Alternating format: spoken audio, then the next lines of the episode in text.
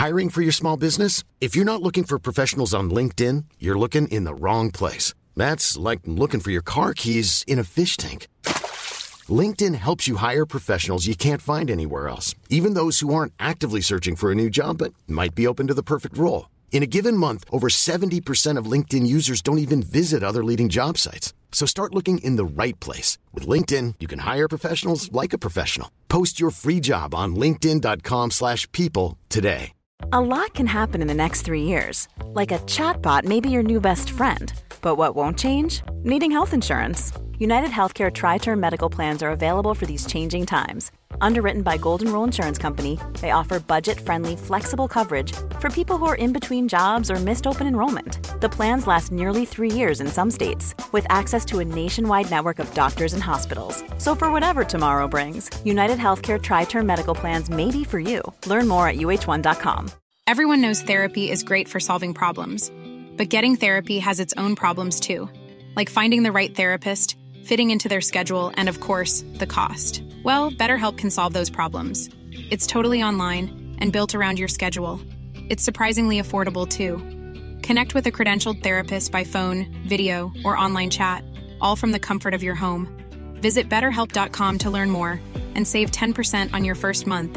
That's BetterHelp H E L P.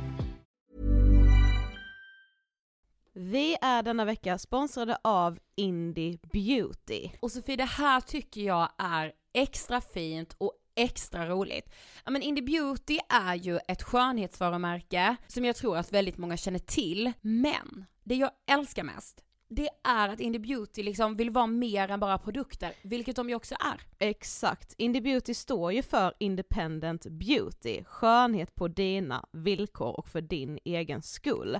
Och Indie Beauty tror ju stenhårt på ett alternativt skönhetsideal fritt från måsten, skam och känslor av otillräcklighet. Där är jag helt med Indie Beauty. Jag med. Det är så jag vill att skönhet ska vara. Ja men verkligen. Och vet du vad som är nytt för i år Sofie? Berätta. Från och med i år så skänker Indie Beauty 1% av sin försäljning till Suicide Zero, Tjejzonen och Djurens Rätt. Så när man handlar produkter från Indie Beauty så kan man liksom känna att man också ger tillbaka till samhället. Ja, kraften i tillsammans. Ska jag säga en sak nu då, som jag, det, men det är detta jag är extra glad över. Nu har Indie Beauty tagit fram en keps och den tycker jag ändå så på sommaren, skydda sig från solen. Jättebra, jag älskar kepsen. Men det bästa, de bidrar till Suicide Zeros viktiga arbete för att minska antalet självmord och självmordsförsök.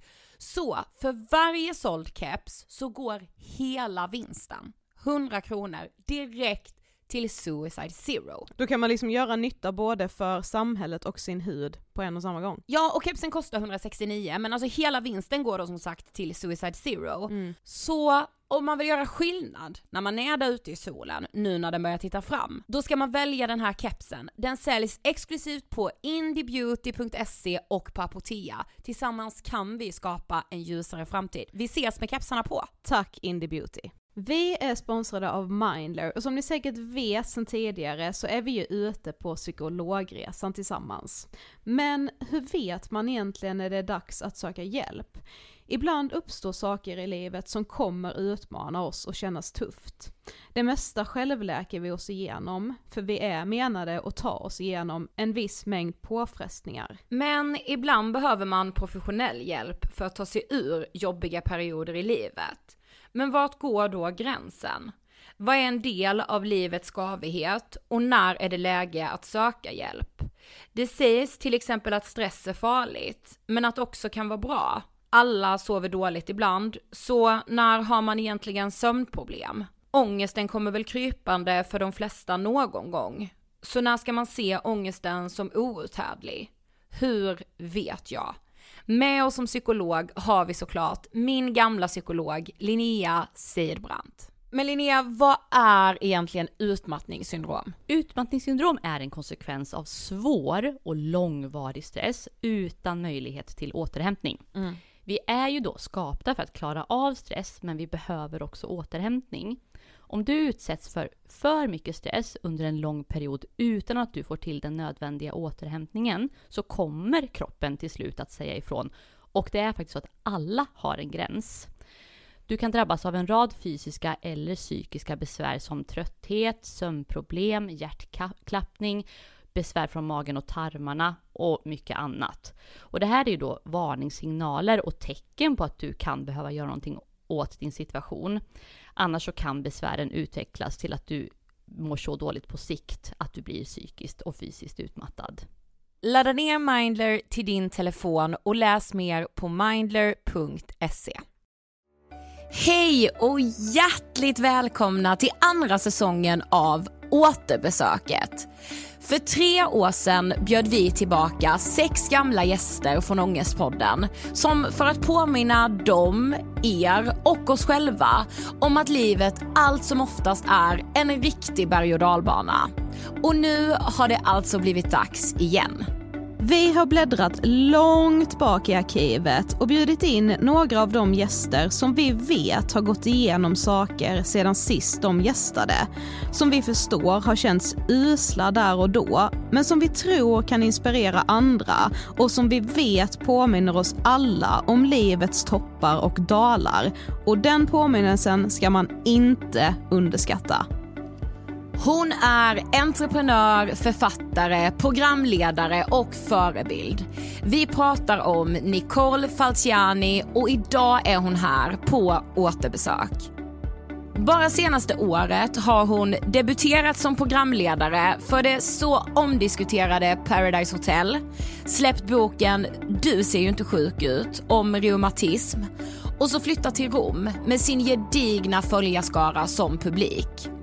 Vi poddade med Nicole senast den 15 juni 2016, vilket blev avsnitt 74 av Ångestpodden. Sen dess har saker eh, minst sagt hänt och detta ville vi prata om. Om separationen från exet bara månader innan deras planerade bröllop. Hjärtesorg samtidigt som media vill veta och skriva om varenda del av uppbrottet. Om självkänsla, kroppen och att vara och bli trygg i sig själv. Många med oss följer Nicole, denna italienska superkvinna som ingjuter lugn och inte hets i sina ständigt uppdaterade sociala medier. Vi är så glada över att hon ville komma på återbesök när vi kallade henne. Välkomna!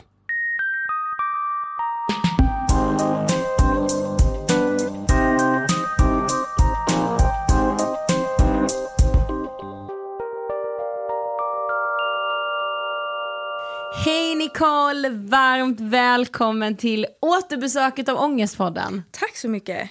Väldigt kul att ha dig här. Ja men Igen. skitkul att vara här. Men hur känns det? Hur mår du? Jag mår bra. Nej, men vi sa ju det lite innan vi började spela in. Att nu när jag är hemma i Stockholm så, så är det alltid väldigt stressigt. Ja. Alltså det är kul att komma hem för man liksom saknar ju sina vänner och familj. Men det är alltid så fullspäckat schema för att man inte är hemma så länge.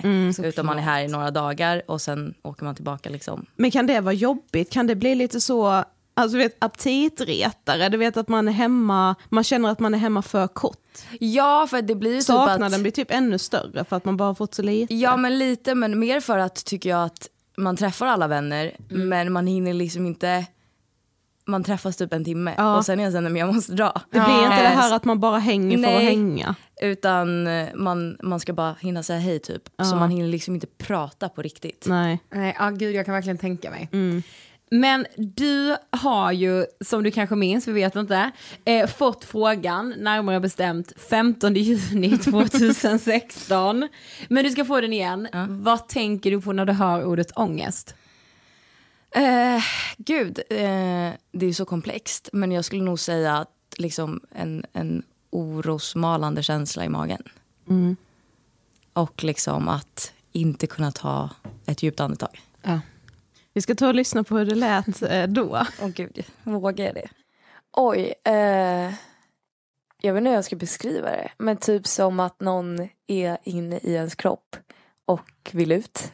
Låter jätteluddigt och oklart. jag fattar vad men, Ja, jag fattar också. Ja, men Ja. typ så skulle väl jag beskriva. Och, ja, liksom, om man bara får svara vad ångest Ja. det liksom relateras till. Så skulle jag nog svara så. Ja, lite luddigt och oklart men ändå Men bra. ändå, det var ändå ganska likt vad du Ja. sa nu. Ja. Alltså just det här med den här oron, att man liksom känner något i kroppen och... Mm. Ja, men för att det är ju på något sätt en känsla som är väldigt svår att beskriva. Mm.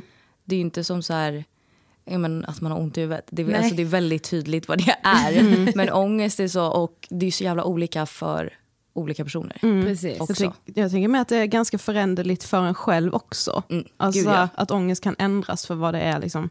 Men du hade liksom precis tagit studenten här. Mm.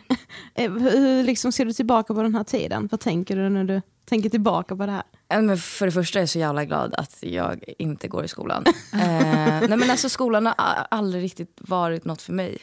Eh, jag tyckte det var väldigt jobbigt. Eh, men också för att jag kombinerade skola och jobb redan då. Ja, just det. Eh, och det var väldigt tufft. Men också för att så här, alltså, att tonåringar är, och barn är elaka mot varandra. Alltså, det är inte snälla personer. Nej. Eh, och det fick jag ju uppleva både i grundskolan men också i gymnasiet. Att eh, Hur då? Mm. folk snackar skit och eh, vill gärna ha en åsikt om en fast man inte har träffats.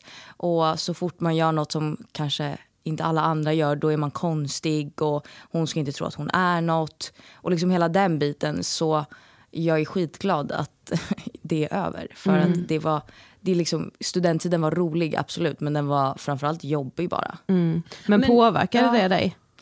Ja, det skulle jag nog säga. Mm. Eh, alltså sista året så gick jag ju knappt till skolan. Mm. Eh, alltså jag hade ju otroligt hög frånvaro. Men det var ju alltså också då på grund av jobb, men också för att jag var så här, vad fan ska jag göra här? Alltså jag mår bara skit när jag är här. Och eh, jag är väldigt svart eller vit. Och jag var så här, men det här, alltså det jag pluggar i skolan kommer inte hjälpa mig i det jag vill jobba med. Så vad ska jag ens göra här? Men du och Chloé gjorde ju den här serien. Var det samtidigt som du gick i skolan? Ja, det var i två, ettan, tvåan på gymnasiet. Ja, då kan jag tänka mig att det blir så att folk så bara, "Ah, hon har en egen serie och så blir man liksom avundsjukan blir att man blir... Jo, den svenska ja, jantelagen. verkligen. Alltså, Och vi filmade ju lite i skolan. ja. Och och det var väl också då folk var såhär, hon ska inte få tro att hon är något. Och det är så här, men jag har aldrig trott att jag är något. Nej. Men Det så är här, jag så, jobbar med det jag gör. Liten. Alltså man är ett barn. Alltså, ja, gud, ja. Men vi bjöd ju in dig då, 2016, för att du hade precis skrivit ett väldigt uppmärksammat inlägg om att du hade fått en eh, depression. Och vi pratade då i podden om att du skämdes ganska mycket över att prata om det. Så vi tänkte att vi ska lyssna på det. Liksom, jag har det bra. Eh, bra familj, nära, alltså bra vänner, eh, bra pojkvän. Eh, jag har ett jobb. Men det, det kändes liksom som att jag tog rätten från någon annan. Eh, som egentligen borde ha mer rätt att vara deprimerad än vad jag är. Eftersom utåt sett så har jag allting. Eh, det var väl typ därför jag tyckte det var jobbigt. För att ja, men det kändes som att jag tog rätten från någon annan som egentligen typ inte förtjänar men ni förstår vad jag menar. Ja. Och det, alltså det var verkligen så, alltså jag vet inte, att höra det, det gör typ ont i en, men hur ser du på det idag? Att det var så du kände? Eh, nej, men att jag kände så minns jag jätteväl. Och, Men det tror jag generellt sett är ganska vanligt med psykisk ohälsa. Ja. Att, alltså, nu tycker jag absolut inte att så här, det finns folk som är berättigade att vara eller som utsätts för psykisk ohälsa. Men jag fattar verkligen att folk känner eh, att man kanske inte är berättigad att eh, ha någon form av ångest eller depression eller vad det nu kan vara. För att man har allting utåt sett. Och, det, och jag tror liksom att det är ett mänskligt beteende att tänka att men det finns någon som har det värre än jag. Så jag borde inte klaga. Varför blev jag sjuk eh, när jag inte har någonting egentligen att klaga på? Så att eh, jag fattar absolut känslan och jag tror att otroligt många känner så. Det tror jag med. Dels då vad andra ska tycka, liksom bara men shit hon, hon som har allt. Men jag tänker också att det kan vara en sån grej som man, alltså som gör att man typ skäms för sig själv för att man har sett framför sig att om jag bara når det här, då kommer jag vara glad. Liksom. Då har jag ingenting att klaga på. Och så är det då man börjar må dåligt. Men det där är klassiskt att man är så här, men om jag eh, ser ut så här, om jag får det här jobbet, om jag kan köpa den här lägenheten eller den här väskan så kommer jag vara jättelycklig. Eh, men sådana saker spelar ju absolut ingen roll Nej, nej. när man mår dåligt. Ja, nej, det finns liksom ingenting gemensamt Nej. där. Men under 2020 så hade du varit tillsammans med din kille i fem år och ni hade planerat bröllop och eh, liksom, ja, men gjorde allt det här ganska offentligt. Liksom. Mm. Men sen blev det inget bröllop. Vad hände? Eh, nej, han, han gjorde slut. Mm. Eh, för att han sa att han inte vill vara med mig. Mm. Eh, och det var väl liksom, för mig kom ju det som från ingenstans. Eh, och så är det väl ofta generellt vid uppbrott att den som blir lämnad sällan har någon aning. Och det är Mm. väl därför också man blir så chockad. Men jag tror nog att jag kanske blev ännu mer chockad för att vi skulle gifta oss. Mm. Alltså, Att då tror man ju sen, men då är det ju klart. Mm. Eh, så att jag tror liksom att chocken finns hos alla som blir lämnade. Men jag tror att den var ännu större hos mig. Ja, f- alltså det kan man ju med förstå i ett sånt stadie i livet. Mm. Att säga gud ett bröllop stundar och vi ska gifta oss och sen kommer det. Alltså de kontrasterna Exakt. är ju så liksom stora. Ja, men det är väl samma som folk som liksom precis blir dumpade när de har fått barn. Ja. Man blir så här, men va? Vi har ju fått det största i livet. Eh, och så här, va? Nu ska du lämna mig och ungen är typ två månader. Ja men exakt. jag tror Ja. liksom att chocken är densamma. Ja, man tänker typ att om man har gjort något så stort som typ antingen att man ska gifta sig eller skaffa barn, då blir man lämnad med lite förvarning. Alltså då har det varit så här, vi har försökt i typ parterapi eller vi har pratat men det blir aldrig bättre. Exakt. Så det kommer inte som en sån enorm chock. Nej. Men hur hanterade du den, bara chocken liksom? Hur var den för dig? Eh, Nej, men allting var ju väldigt, väldigt jobbigt. Eh, alltså, och det har jag ju sagt tidigare, men jag trodde verkligen jag skulle dö. Eh, och alltså, det, men det känns som att där och då så var liksom, de månaderna var så långa. Men nu när jag kollar tillbaka så är det så här, men gud det gick så fort. Eh, alltså nu när jag liksom är här och det har gått ja, men snart ett och ett halvt år, då är jag så här, men gud hur har tiden gått så fort? Men där och då kändes det ju som att dagarna aldrig tog slut. Att så här, jag kollar på klockan och det har gått en minut. Ja. Och bara, nej men alltså kan det bara bli kväll så att jag får sova igen. Ehm, så att det, var, det var nog det jobbigaste att liksom, ja men att jag, jag trodde verkligen jag skulle dö. Ja men det är ju det man gör. Ja. Alltså man går ju under. Ja. Ja. Alltså offentligheten i det här, var det ytterligare ett lager av liksom ångest eller jobbighet? Gud ja. Ja, ja. Ehm, alltså att, att folk tycker och tänker saker om det är van vid. Alltså det, det kommer ju tyvärr lite med, med att vara offentlig. Och det är fine, men just när det blir någonting som är jättekänsligt för en själv och folk ska vara så här, ja ah, men eh, du blev lämnad på grund av det här och det här och du är en kass person, det är klart han lämnar. Ja men du vet, så då är jag så här, men vet du, jag mår redan piss. Alltså hur kan du ens skriva något sånt här? Medan kommer det på en vanlig dag, eller hur man ska uttrycka Ja, sig, precis, ja. då är det lite så här, ja, jag, jag bryr mig inte. För att du mår uppenbarligen inte bra om Nej, du sitter och skriver precis. sånt här till någon som du inte känner. Men just när man själv går igenom något så känsligt så blir jag så här, men hur kan du vara så okänslig? Ja. Att så här, du ska sitta och analysera min relation som så här, visst du tror du vet någonting men du har sett en procent Ja, av det på sociala medier. Eh, så att offentligheten var ju jättejobbig. Dels för att eh, jag visste att så här, okay, jag behöver gå ut med någonting ganska snart för det kommer bli ganska uppenbart att någonting har hänt för man mår dåligt. Vi umgicks ju obviously inte.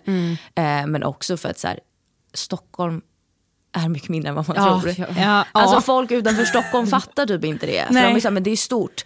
Men alltså, speciellt så här, umgås man i, i liksom kretsar som rör sig i Jag stan. Så är det så här, jag var så här, men folk vet. För att Stockholm är pisslitet. Eh, och Ja, men jag, Stockholm är väldigt grupperat, alltså det vet jag att vi har sagt, det känns som att vi, när vi kommer från Karlshamn, liksom, det är ändå som att Stock, alltså, Stockholm är som flera Karlshamn, alltså Ja, man umgås som bara i sina gäng. småstäder. Ja, men Ja. Så här, där är det, det är Karlshamnsgänget, där är det Karlshamn, alltså, så det sprider sig så Ja, fort. och jag var bara så här, jag vill vara först med att säga det. Men då blev det också stress här för att jag ville ju inte säga något för att jag ville ju själv typ landa i det och må Ja. lite bättre. Men samtidigt var jag så här, okej men jag vill inte att någon annan kommer ut med det först. Nej. Nej precis. Ehm, Så så- bloggbevakning. Ja men typ, eller liksom Aftonbladet eller Ja, alla ja. sådana. Så jag var så här, shit hur, hur ska man göra? För att så här, blir man lämnad, man vill ju bara vara för sig själv. Ja. Eh, man vill typ kunna men, sörja i lugn och ro. Men nu var det mer så här, okej när ska jag säga något? Vad ska jag säga? Eh, för att ingen annan ska ta orden ifrån mig först. Ja, och fy fan vad jag förstår det. Ja, att man känner att man måste få äga det på något sätt. Ja, men Exakt. fick du mycket frågor? Hade du börjat få så? Är ni tillsammans? Har det hänt något? Alltså, Nej, men det var mer så här, alltså att folk var, det var ingen så här som direkt frågade men jag tror det var väldigt uppenbart att jag mådde dåligt. Och folk bara så här, men gud vad har hänt, hur mår du? Jag uppdaterade ju inte mina sociala medier på alltså, några veckor. Eh, och sen hyrde jag ett hus en vecka ute på landet. För att jag var bara så här, jag vill bara komma härifrån. Och då var också folk så här, ja men varför inte Erik där? Eh, alltså liksom så, så det var ingen som frågade direkt men folk började nog förstå att Ja, precis. någonting är, Ja. ja. Men hur snabbt efter det hände gick du ut med det? På två, tre veckor Ja. typ. Men du var ju ändå väldigt öppen med hela, alltså hela det här uppbrottet och din hjärtesorg och hur du mådde och någonstans, alltså, ja man led ju så mycket med det men någonstans är det så jävla starkt att se någon dela med sig av allting. Var det liksom självklart för dig att, att vara det? Ja, men det var det nog. Alltså, jag har ju delat med mig av allt sen jag var jätteliten. Eh, och ja, men som jag pratat mycket om jag, liksom på andra forum så tycker jag att precis som att jag pratar öppet om psykisk ohälsa och att jag har reumatism och att livet inte alltid är skitkul så kändes det också naturligt att så här, okej men det här är nog en av de värsta sakerna som har hänt i mitt liv. Det vore jättekonstigt om jag bara sket i det. Eller liksom inte visade någonting. Eh, och just också för att det finns någon tröst i av att veta att det finns flera som går igenom samma sak. Så, ja, den trösten ska man inte underskatta. Nej. Varken för en själv eller liksom för andra att få se och liksom få höra någon annan dela. Men hur skulle du säga, alltså det är ju såklart svårt att säga, men alltså hur tog du dig igenom hjärtesorgen och typ byggde upp dig själv igen? Eh, nej men, första tiden så bodde mina föräldrar hemma hos mig. De flyttade in hemma hos mig och sen flyttade min syrra in hos mig. Och sen hade jag typ polare så här, ja, men som kom och gick. Det var lite öppet hus. Just för att jag var så här, jag orkade inte umgås men jag ville inte heller vara själv. Nej, exakt, Och ja. eh, jag vill inte, alltså jag åt ju ingenting på väldigt lång tid. Eh, Jag alltså, orkade knappt gå ut och gå med min hund för att jag var så här, men jag orkar inte göra någonting. Så att eh, första tiden var ju verkligen bara så här överlevnad. Att så här, vad ska jag göra för att ens orka gå upp ur sängen på morgonen? Ehm, så att det var liksom bara att ha massa folk över som Även om jag knappt åt men var så här, okej men vi har lagat den här maten, den finns i kylen. Eh, vi kan gå ut och ta en lång promenad med Frank åt dig. Alltså så. Ehm, så att första tiden var ju verkligen bara att försöka ens komma upp ur sängen. Men sen så tror jag ganska snabbt att jag... Nej men jag tror att när man är i en relation så kan man ofta ja, men, tycka att den är ganska bra. Alltså för att man är i det och så här, ja, men det rullar på. Men sen när man kommer ut ur det så insåg jag nog efter ett tag att men den har inte varit så bra. Och jag tror också att det gjorde det lättare att förstå att så här, ja. men det finns eh, det finns någon annan. Eh, det kommer, alltså det, är det sista man vill höra när man är hjärteskärrad. Det är så här, men det kommer gå över. Men det gör verkligen det Ja. av sig självt. Alltså egentligen. Men jag tror att det hjälpte av att liksom titta tillbaka på relationen och vara så här, fast det här var ju inget bra. Eh, för då, jag tror att det är nog ännu svårare om man verkligen tycker att allting har Ja. varit 100% och vi har haft det toppen och Ja, aldrig bråkat och så. Då tror jag att det är ännu svårare att komma över det. Men jag tror att det är lätt där och då att romantisera en relation. Exakt. Och bara så, men allting var superbra men så liksom börjar man prata med Polo och bara fast det där var inte så bra. Och minns du det här? Och, liksom, och så börjar Det är man så inse att Sjukt hur man vänjer sig. Alltså ja. vid sådana Ja, ja. dåliga saker i en relation. Man är ju liksom Verkligen. blåögd på ett sätt som man inte... Ja men för att man är ju är kär också. Ja, precis. man, ja. Det är det som är så obehagligt med kärlek på något Men det, Det är åh gud, jättefint. alltså jag men... tänker mig i ett uppbrott att ens vänner är verkligen, alltså de är ju allt där Ja. och då i att också kunna säga så, men du kommer du ihåg det här? Eller har du tänkt på det här? Alltså, Ja men och att mina vänner var guld, alltså var så här, drog med mig ut fast jag inte orkade och var så här, vad fan, hallå nu får du klä på dig, nu ska vi gå ut och äta Ja. middag. Eh, du behöver inte stanna till fem på morgonen men du ska med. Ja. precis. Eh, och liksom att även om jag ofta tackade nej till saker i början så var de så här, du vi ska göra det här, se till om du vill med. Eh, att inte så här, bara för att man säger nej fem gånger så blir de så här, äh men vi frågar inte henne Nej, då. precis. Eh, utan var väldigt och var så okej okay, nu ska du börja dejta, ja. nu ska du göra det här, du måste, alltså du vet de var skitpeppande. Projektledda liksom. Ja men jag tror också att jag har otroligt många singelvänner. Ja. Så de, de tyckte att så här, men gud det här är det bästa som har hänt. Ja. Wow, äntligen, nu åker vi! Ja, precis. Men i början på det här året så blev ju du programledare för Paradise Hotel, vilket du gjorde med sån otrolig bravur, Tack. måste jag säga. du var så jävla grym Nicole. Tack. Alltså jag var så impad. Ja, ja. det var verkligen jag med. Det man hann se, för programmet blev ju liksom, ja man plockade ju ner det mm. på grund av misstänkta sexuella övergrepp. Mm. Vad kände du liksom kring allt det när det liksom blåste upp? Eh, alltså, nej men det är ju en svår det är ju ett, eh, en svår situation. Mm. För att eh, alltså de som har sett PO vet vad PO är. Ja. Och det är ett program som går ut på att unga människor super mm. och gör kaos och drama. Mm. Och det är också därför man tittar på det. Ja. Eh, eller Tyvärr, varför jag alltså, tittar på det. Är det ju. Alltså. Det är alltså, man tycker det är kul. Liksom. Precis. Ja. Eh, och jag tror att Eh, alltså att de pausade den säsongen där det hände är helt rätt. Mm. För att det ska ju såklart inte få hända. Mm. Men jag kan också tycka på ett sätt att det blev en kritikstorm som var större mm. än på något sätt vad den borde ha varit. Mm. För att alltså, det här händer hela tiden, mm. bara att du inte ser det. Mm. Eh, alltså, det är så här, men det här händer varje dag och det är ingen av er som bryr, alltså, som bryr sig. Men helt plötsligt för att ni har sett det, alltså man fick ju inte se, men sett det på tv. Mm. Då blir det liksom, ah, men det är katastrof, hur kan de tillåta det här? Medan jag på ett sätt, det är så svårt för att alla vill ju misstolka det, men på ett sätt bra tycker jag att mm. man fick se det. Mm. För att det är så här, okej okay, men nu visar vi eh, eller liksom programmet att det här är inte okej. Mm, Man ja. kan inte göra så här, men det är så här verkligheten ser ut. Ja, precis. Mm. Så, uh, uh. Och lite så här, om man var jättekritisk, eller såklart, såklart som fan man var kritisk ja. till hela hans beteende och allting så, allt som hände, men någonstans kanske det ändå blir en liten liksom, påminnelse till en själv att så här, ja fast du stöttar ju ändå att unga människor eh, får gratis alkohol mm, ja, och typ uppmanas alltså, att göra ja. galna saker i tv. Mm. Och jag har ju annars tyckt att det har varit skitkul. Mm.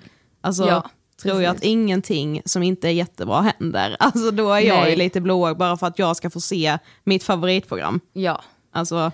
Men det var ju också, folk gick ju så hårt mot dig också. Ja. Alltså hur var det? För det kändes ju också så, alltså jag, där och då kände jag ju så, men du är kvinna, du leder det här programmet, då får du ta skiten. Mm. Liksom. Ja men jag tror väl att jag blev någon syndabock för att det är mig man ser. Men jag tror liksom otroligt många som inte är i den här branschen förstår nog inte att det är inte jag som sitter och tittar på de här tv-skärmarna om vad som händer i huset. Du som klipper jag, allt. Exakt, Nej, men jag får ett manus och går in och säger det som står i mitt manus och sen går jag ut igen. Mm. Eh, men jag tror att det blev väldigt enkelt för att ja, men det är dig vi ser. Ja, så då ska mm. du få skit för man vill bara slänga skit på någon. Ja. Eh, men jag, alltså eh, hade ju ingen aning om vad som hade hänt. Jag fick veta att han hade betett sig olämpligt och att han hade blivit hemskickad och att ja. jag skulle meddela deltagarna det. Mm. Men... Hiring for your small business? If you're not looking for professionals on LinkedIn, you're looking in the wrong place. That's like looking for your car keys in a fish tank. LinkedIn helps you hire professionals you can't find anywhere else, even those who aren't actively searching for a new job but might be open to the perfect role. In a given month, over 70% of LinkedIn users don't even visit other leading job sites. So start looking in the right place. With LinkedIn, you can hire professionals like a professional. Post your free job on linkedin.com slash people today. Everyone knows therapy is great for solving problems, but getting therapy has its own problems too, like finding the right therapist, fitting into their schedule, and of course, the cost. Well, BetterHelp can solve those problems. It's totally online and built around your schedule. It's surprisingly affordable too. Connect with a credentialed therapist by phone, video, or online chat, all from the comfort of your home. Visit betterhelp.com to learn more and save 10% on your first month. That's BetterHelp, H E L P. Quality sleep is essential. That's why the Sleep Number Smart Bed is designed for your ever evolving sleep needs. Need a bed that's firmer or softer on either side? Helps you sleep at a comfortable temperature? Sleep Number smart beds let you individualize your comfort so you sleep better together. JD Power ranks Sleep Number number 1 in customer satisfaction with mattresses purchased in-store. And now, save 50% on the Sleep Number limited edition Smart Bed for a limited time. For JD Power 2023 award information, visit jdpower.com/awards. Only at a Sleep Number store or sleepnumber.com. Mer än så visste ju inte jag Nej. förrän programmet faktiskt sändes och tjejerna gick ut i media. Så jag fick ju också en chock. Jag var så här, "Jaha, men var det det här som hände? Ja. Ehm, så det var ju också på ett sätt svårt för jag visste ju inte förrän Nej. alla andra visste vad som hade hänt. Ehm, men sen tycker jag fortfarande att det är skit att en kille ska få sabba allt Ja, för att han är dum i huvudet. Alltså, då är vi ju återigen i det dilemmat att säga, "Ha, men det är alltid män som förstör. Ja. Eh, och så här, okej han var dum i huvudet Mm. och korkad och uppenbarligen har noll respekt. Mm. Men så här, varför ska han få paja Precis. för resten av säsongen dels men också för kommande säsong som Ja. skulle Mm. sänds nu. Och det är det jag kan känna så här, vad fan, hallå, varför ska han Mm. få förstöra det? Han var bara en korkad person. Ja, precis. Men vi andra är så här, ja. Ja, ja. Ja, det är svårt. Men hur kände du liksom inför programledare? Hade du någon prestationsångest? Det känns ju som att Paradise Hotel-publiken ju kan ändå vara en ganska dömande publik. Ja, men jag tror generellt sett alltså det är i vår natur att vi gillar inte förändringar. Nej. Eh, vi vill att det ska vara som det alltid har varit. ja. Eh, och det märkte jag ju absolut liksom, innan folk ens hade sett någonting så fick jag ju så här, så här, men du kommer inte kunna ta över Rebeckas roll och du kommer inte kunna fylla hennes skor och så här, sånt. Och då är jag så här, men vet du, du måste ju ge mig en chans. För Ja, du har inte ens sett det jag gör. Nej. Hade du kommit med den kritiken efter fem avsnitt, okej absolut, du kan, Ja. då får du tycka det. Men du kan inte komma med den innan du ens har sett vad det är jag gör. Ehm, så det var ju absolut eh, många sådana kommentarer. Men det tror jag att det hade nog varit oavsett vilket program jag hade programlett om det inte hade varit ett nytt program. Men jag tror så här, hade det varit Talang, Idol eller vad det nu kan vara så hade jag ändå fått skit för att Ja. vi gillar inte förändring. Nej, vi det vill är ha det så som obehagligt. Ja men att man, man vill ha det man brukar ha och då är vi vana vid det och det blir jättebra. Precis, det känns tryggt och jag vet vad jag får. Och jag, ja. Men gud vad sjukt, men var du liksom nervös inför att första skulle sändas?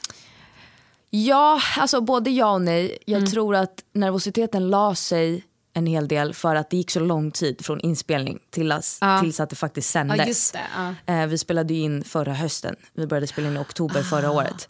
Ehm, och det sändes ju i mars. Men då spelade ni in båda säsongerna? Ja. Så även den som egentligen skulle... Okej, ja. Så att jag tror att det kanske hade varit ännu mer nervositet om det hade varit nära inpå. det är Ja. Så här, sant. nu spelar vi in i oktober och det sänds i december. Då hade det varit så här, äh. men grejen är att det gick, så, det gick ju mer än ett halvår. Ja, så att jag var så här, det var lite som att man hade glömt bort det. Nej, men att man var så här, ja men jag har gjort det men jag har ju inte sett något så att jag vet inte. Ehm, men det var ju nervöst sen att se första avsnittet. Men det var inte lika nervös som jag trodde det skulle vara. Alltså det var ju mer nervöst att spela in första avsnittet på plats. Ja, såklart. Än att faktiskt Och se det. göra det bra liksom. Mm. Vi ska lyssna lite på vad du sa om prestationsångest senast du gästade. Alltså jag har nog inte så mycket prestationsångest på det sättet för att Alltså det, det är lite både och. För sen jag varit liten så vill jag alltid vara bäst på allt. Eh, fast jag förstår nog, det är inte att jag vill vara bäst på allt. Så här, ja, men jag vill vara bäst på fotboll fast att jag vet att jag inte kan. Utan jag vill vara bäst på de saker som jag själv anser att jag kan vara bäst på. Eh, så att liksom jag kan ju bli besviken ibland när det inte blir som jag tänkt mig. Hade du prestationsångest inför det här? Eh, nej men mer att jag, alltså som jag sa då, att jag vill vara bäst på allt. Eh, att jag liksom, det var en miljö som jag aldrig har varit i. Och det var typ nästan det som var det jobbiga. Inte själva prestera manuset för det var jag säker på att men jag har pluggat det, jag kan det. det. Det kommer liksom, även om det krävs omtagningar, men det kommer sitta. Jag var mer så här, ha, var, alltså så här, även om de berättar vart man ska stå och vart man ska titta så var det så, ny miljö. Att det såklart. blev mer stressande. Och att så här, på en inspelningsplats, det är typ 20 personer som står och tittar på en. Ja, exakt. Och det är det som typ blev jobbigt. Inte att så här, åh nej nu har jag glömt mitt manus. men att så här, mm, nu ska 20 okända personer stå och titta på mig och jag ska typ gå för en trappa och så bara, mm, jag kommer säkert snubbla för att det, det, är liksom, det är det jag gör. Alltså så. Så det var typ det jobbiga, att så här, inte ha koll på settingen. Ja. Alltså typ när vi spelade in andra säsongen, då var jag så säker på allt. För att jag är så här, men jag vet vart jag ska stå, jag vet ungefär vad de, vad de vill att jag gör, hur jag ska stå, hur jag inte får vända mig om. Alltså så. Ehm, men första veckan var liksom, då var ju allt nytt. och det var ju det som var jobbigt, att så här, jag vet inte vad som väntar. Ja. Också så här, första gå in och gå in i huset till deltagarna. Alltså då höll jag ju på att dö Ja, av ja. nervositet. Oh my god. För de visste ju inte heller att det var en ny programledare. För de hade redan åkt till Mexiko innan nyheten kom ut i Sverige. Så de visste ju inte de- heller. Nej men gud. Det hade ju ja. typ ryktats om det men det var, ingen som liksom, det var inget bekräftat. Nej. Så det är ju typ sådana saker var ju skitjobbigt. Men sen efter en vecka, i och med att jag var inne i huset varje dag, då blir man så ah, okej. Ja, man vänjer sig Ja. snabbt liksom. Ja. Ja, shit. Men något som vi pratade väldigt lite om senast du gästade, men som du ändå pratat mer om de senaste åren, eh, är ju framförallt, alltså framförallt genom din bok, Du ser, du ser ju inte sjuk ut, eh, om reumatism. Eh, hur har liksom det påverkat ditt mående genom livet? För det känns ju som en så stor del av ditt liv. Nej men jag tror att, jag tycker det är så svårt att svara på. För att jag har haft det sedan jag var sex. Ja. Eh, så jag har liksom inget att jämföra med. Eh, hade man fått det nu liksom, när man är 24 då vet man ja, men hur man var innan och hur man Ja, var efter. Eh, men jag har haft det så länge så jag vet nog inte. Eh, alltså det är klart att så här, när jag har ont så, blir jag, har, så får jag mycket kortare stubin. Mitt tålamod blir typ noll. Eh, och liksom sådana små saker. Men jag kan nog inte svara på hur det är i det stora hela. För Nej. jag vet inte hur jag hade varit utan reumatismen. precis. Mm. Men varför ville du skriva den boken?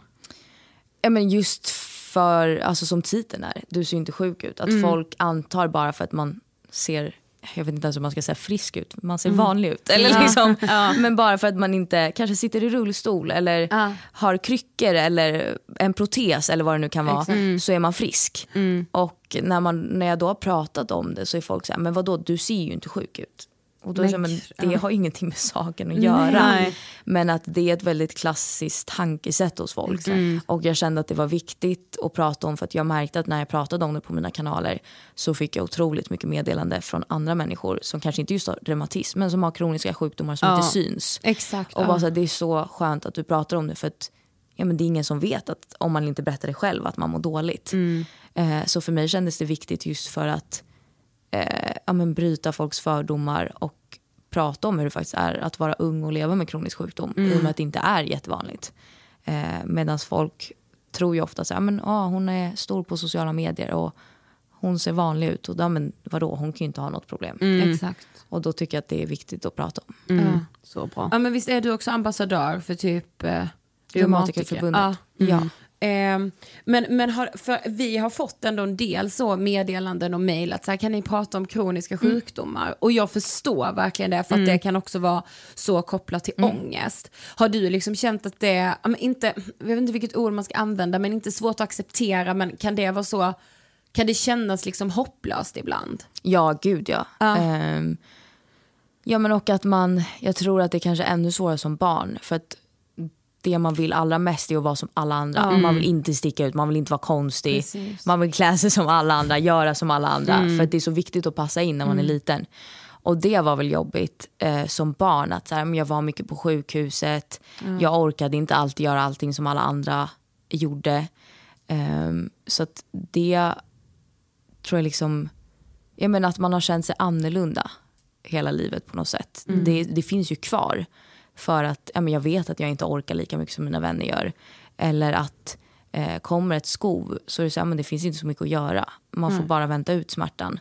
Och det, när man är i ett skov så är det väldigt hopplöst. För att man vet inte hur länge ett skov sitter i. Ibland är det två dagar, ibland är det tre månader. Aha, Och så är man så här, men jaha, när ska det här gå över?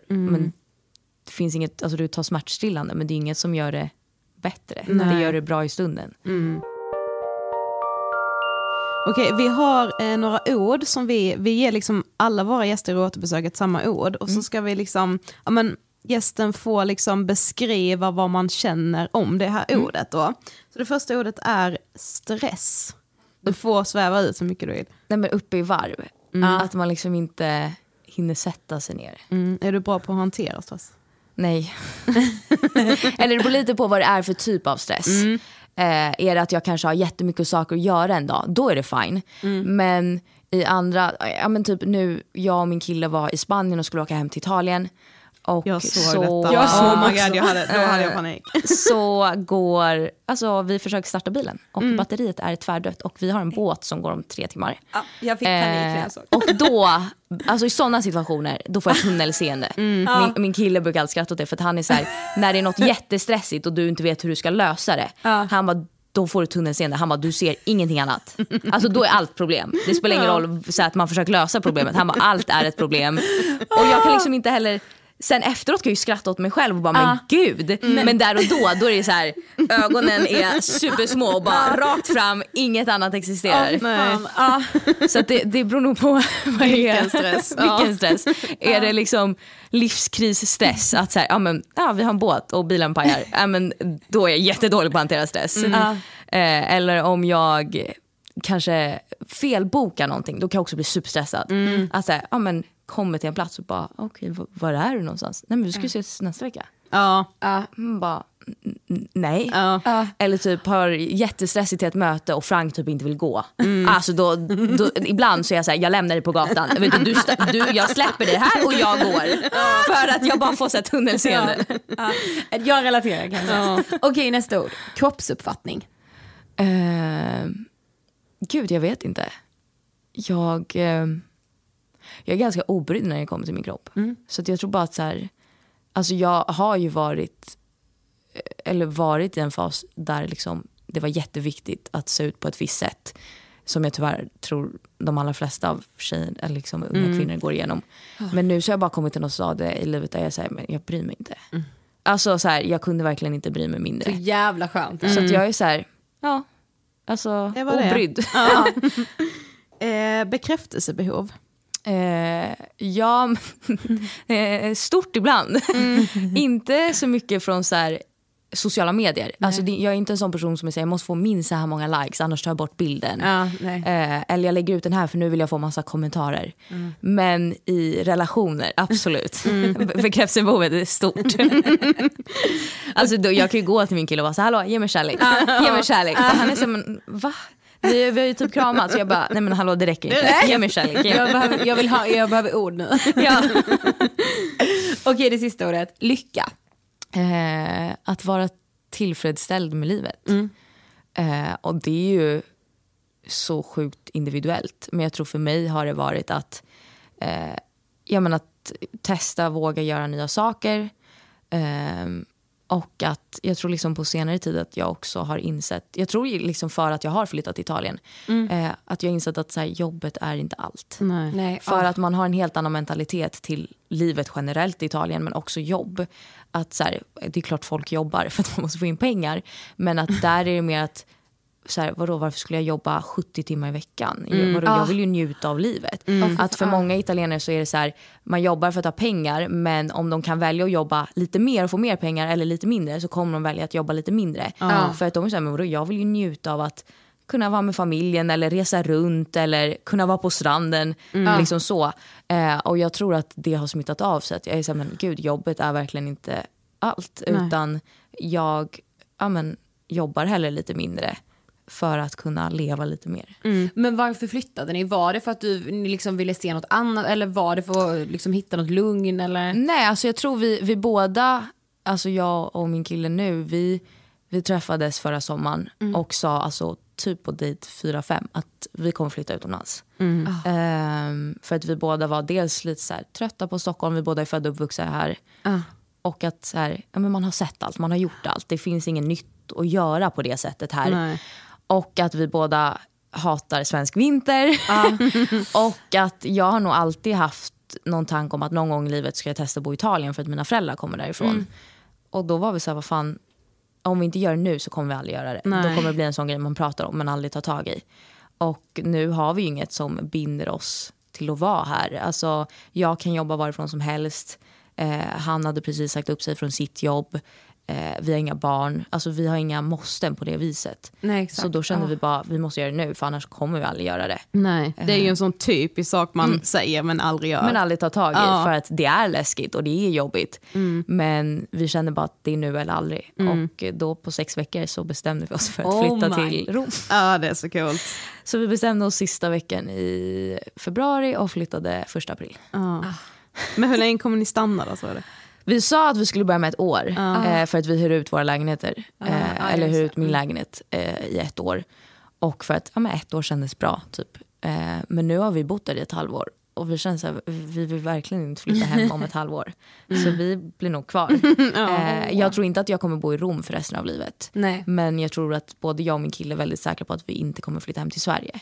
Att det är mer en frågan om vart vi kanske ska bo för alltid. Sen kanske det blir Rom. Men jag, jag skulle inte säga till 100% att det blir Rom. Men Nej. vi båda har kommit överens om att vi vill bo utomlands i helst Sydeuropa på grund av klimatet. Men vart får vi se. Det är så jävla gött, man behöver inte veta Nej. heller. Nej! Man får se. Det löser sig. Ja, precis. Då har vi kommit till sista frågan. Mm. Eh, vad är din största känslomässiga utveckling sen du gästade oss senast? Oj. Gud, jag vet inte. Jag bara, jag har lika dåligt temperament fortfarande. eh, det har jag i och för sig haft sen jag föddes så det kommer ju inte. Men kan det inte vara att du har alltså som du sa, alltså jag tyckte det var så stärkande när du bara, när vi sa kroppsuppfattning och du bara gud alltså jag bryr mig inte så mycket. Mm. Ja men jag tror nog generellt sett att ja, men det kanske nog är då att jag är ganska obrydd om det mesta. Ja, men samma sak med så här, folk var så här, men gud kan du flytta utomlands? Jag bara, nej men om vi inte gillar det flyttar vi hem. Ja, Alltså- det är ingen big deal. Nej, alltså, Vi liksom. kan flytta hem om en månad om vi tycker det är så Exakt. dåligt. Ja. Och att jag tror att just det att jag, ja, men jag, jag är nog ganska obrydd. Att så här, ja, men, tycker någon att jag är skit eller vad det nu kan vara så ja tyck det då. Jag, jag bryr mig inte. Nej. Eh, så att jag tror nog ja, men obryddhet. Ja. Att, och att så här, saker löser sig. Ah. Att så här, ja okej vi kanske flyttar till Italien och bor där ett år men sen vill vi hem. Eller Ja. så vill vi till Spanien eller till Portugal eller vart vi nu vill. Ja. Men att så här, saker löser sig. Ja, och att, så Livet här- blir så mycket enklare om man också tänker så. Alltså, ja, och så det mesta är en piss i Mississippi liksom. Ja. Ja, och att man behöver inte veta allt. Nej, precis. Alltså, sen folk, alltså, för det var just med flytten så blev det så tydligt och jag tror också det är ganska svenskt. Att vara så här, men vad är er plan och vad ska ni göra och hur länge är ni där? Och, men alltså vadå, vad gör ni? Och jag var så här, men jag vet inte. Alltså, du vet, jag svarade folk, jag bara jag vet inte. De bara, vadå vad menar du? Jag bara, jag vet inte. Vi, vi flyttar ner första april och vi har hyrt en skitful lägenhet för vi hittar ingen annan. Och sen löser det sig. Exakt. Alltså, Alltså, att, Ja. så här, Ta det som det kommer liksom. Ja, och det blev alltså otroligt många så här, men vadå du vet inte? Nej men jag vet inte, jag kanske stannar i ett år eller i tio år eller i en månad. Alltså, Vi får se. Och jag bara, jag har tre månaders uppsägningstid på min hyresgäst som hyr min lägenhet. Ja då får jag väl bara höra av mig till honom och bara du, du får flytta om tre Ja, månader. precis. Om det är skit. Ja. Eh, men det blev ju jättetydligt för flytten. Ja. Men vad, vad ska du göra då? Nej jag vet inte. För folk, det är som att folk vill verkligen ha Man måste ha ett va? svar på livet. Man måste ha svar, plan, alltså allt. det är ju det alla söker hela detalj. tiden. Det är för fan det som gör att vi mår dåligt. Vi söker så mycket svar hela tiden. Vi De kan finns inte vara, inte. nej man kan inte, alltså så här, folk har så svårt att vara i ovisshet. Ja.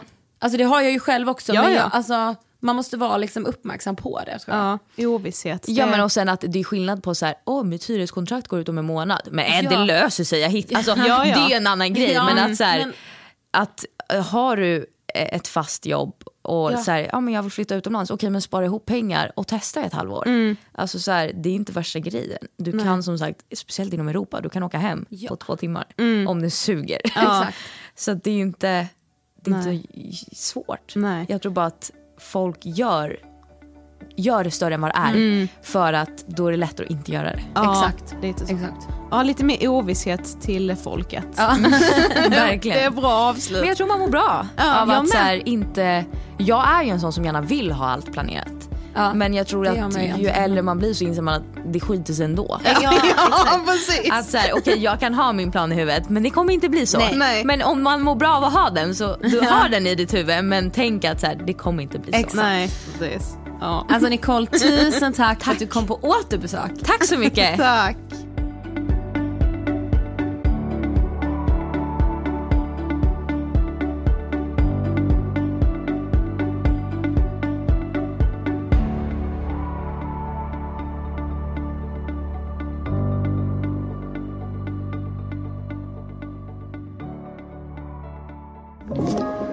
Podplay.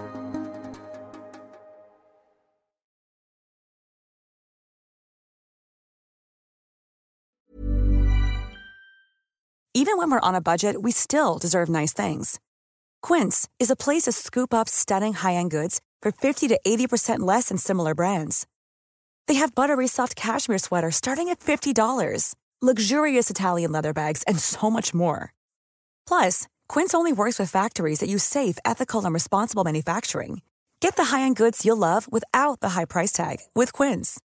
Go to quince.com/style for free shipping and 365-day returns.